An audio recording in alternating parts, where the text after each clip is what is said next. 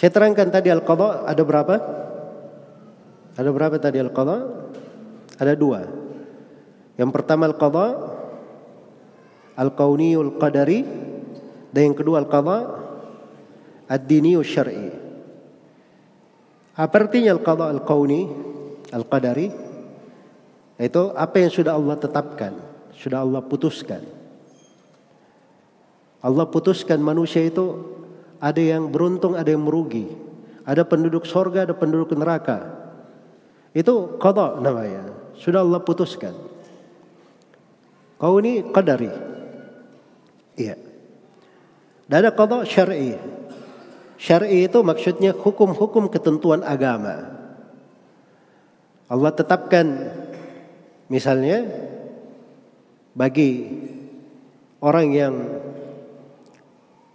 uh, berzina dan dia belum menikah dicambuk seratus kali dan diasingkan selama setahun.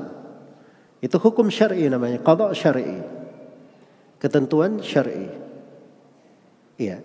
Dan seorang muslim itu dia ridha terhadap semua qada dari Allah. Dia ridha. Ridha itu apa artinya ridha? Ridha itu ketundukan hati sepenuhnya tidak ada di hati itu penolakan. Itu ridho namanya. Dan ridho itu jenjang di atas kesabaran. Kalau sabar itu kan jiwa kena sesuatu ditahan supaya tidak merintih, tidak berkeluh kesah. Itu sabar. Tapi kalau ridho tidak, jiwanya tenang.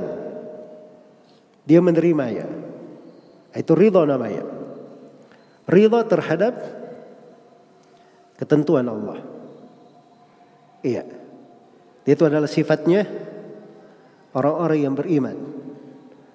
Makanya dari keindahan mereka dikatakan di akhir hayatnya ya ayatuhan nafsul mutmainnah irji'i ila rabbiki radiyatan mardiyah wahai jiwa yang tenang kembalilah engkau kepada Rabbmu dalam keadaan ridha dan diridhai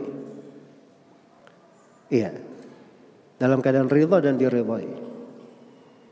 Jadi dia ini ridha kepada Allah Subhanahu wa taala pada segala ketentuan dan hukumnya. Pada apa yang Allah tetapkan. Itu sifat orang yang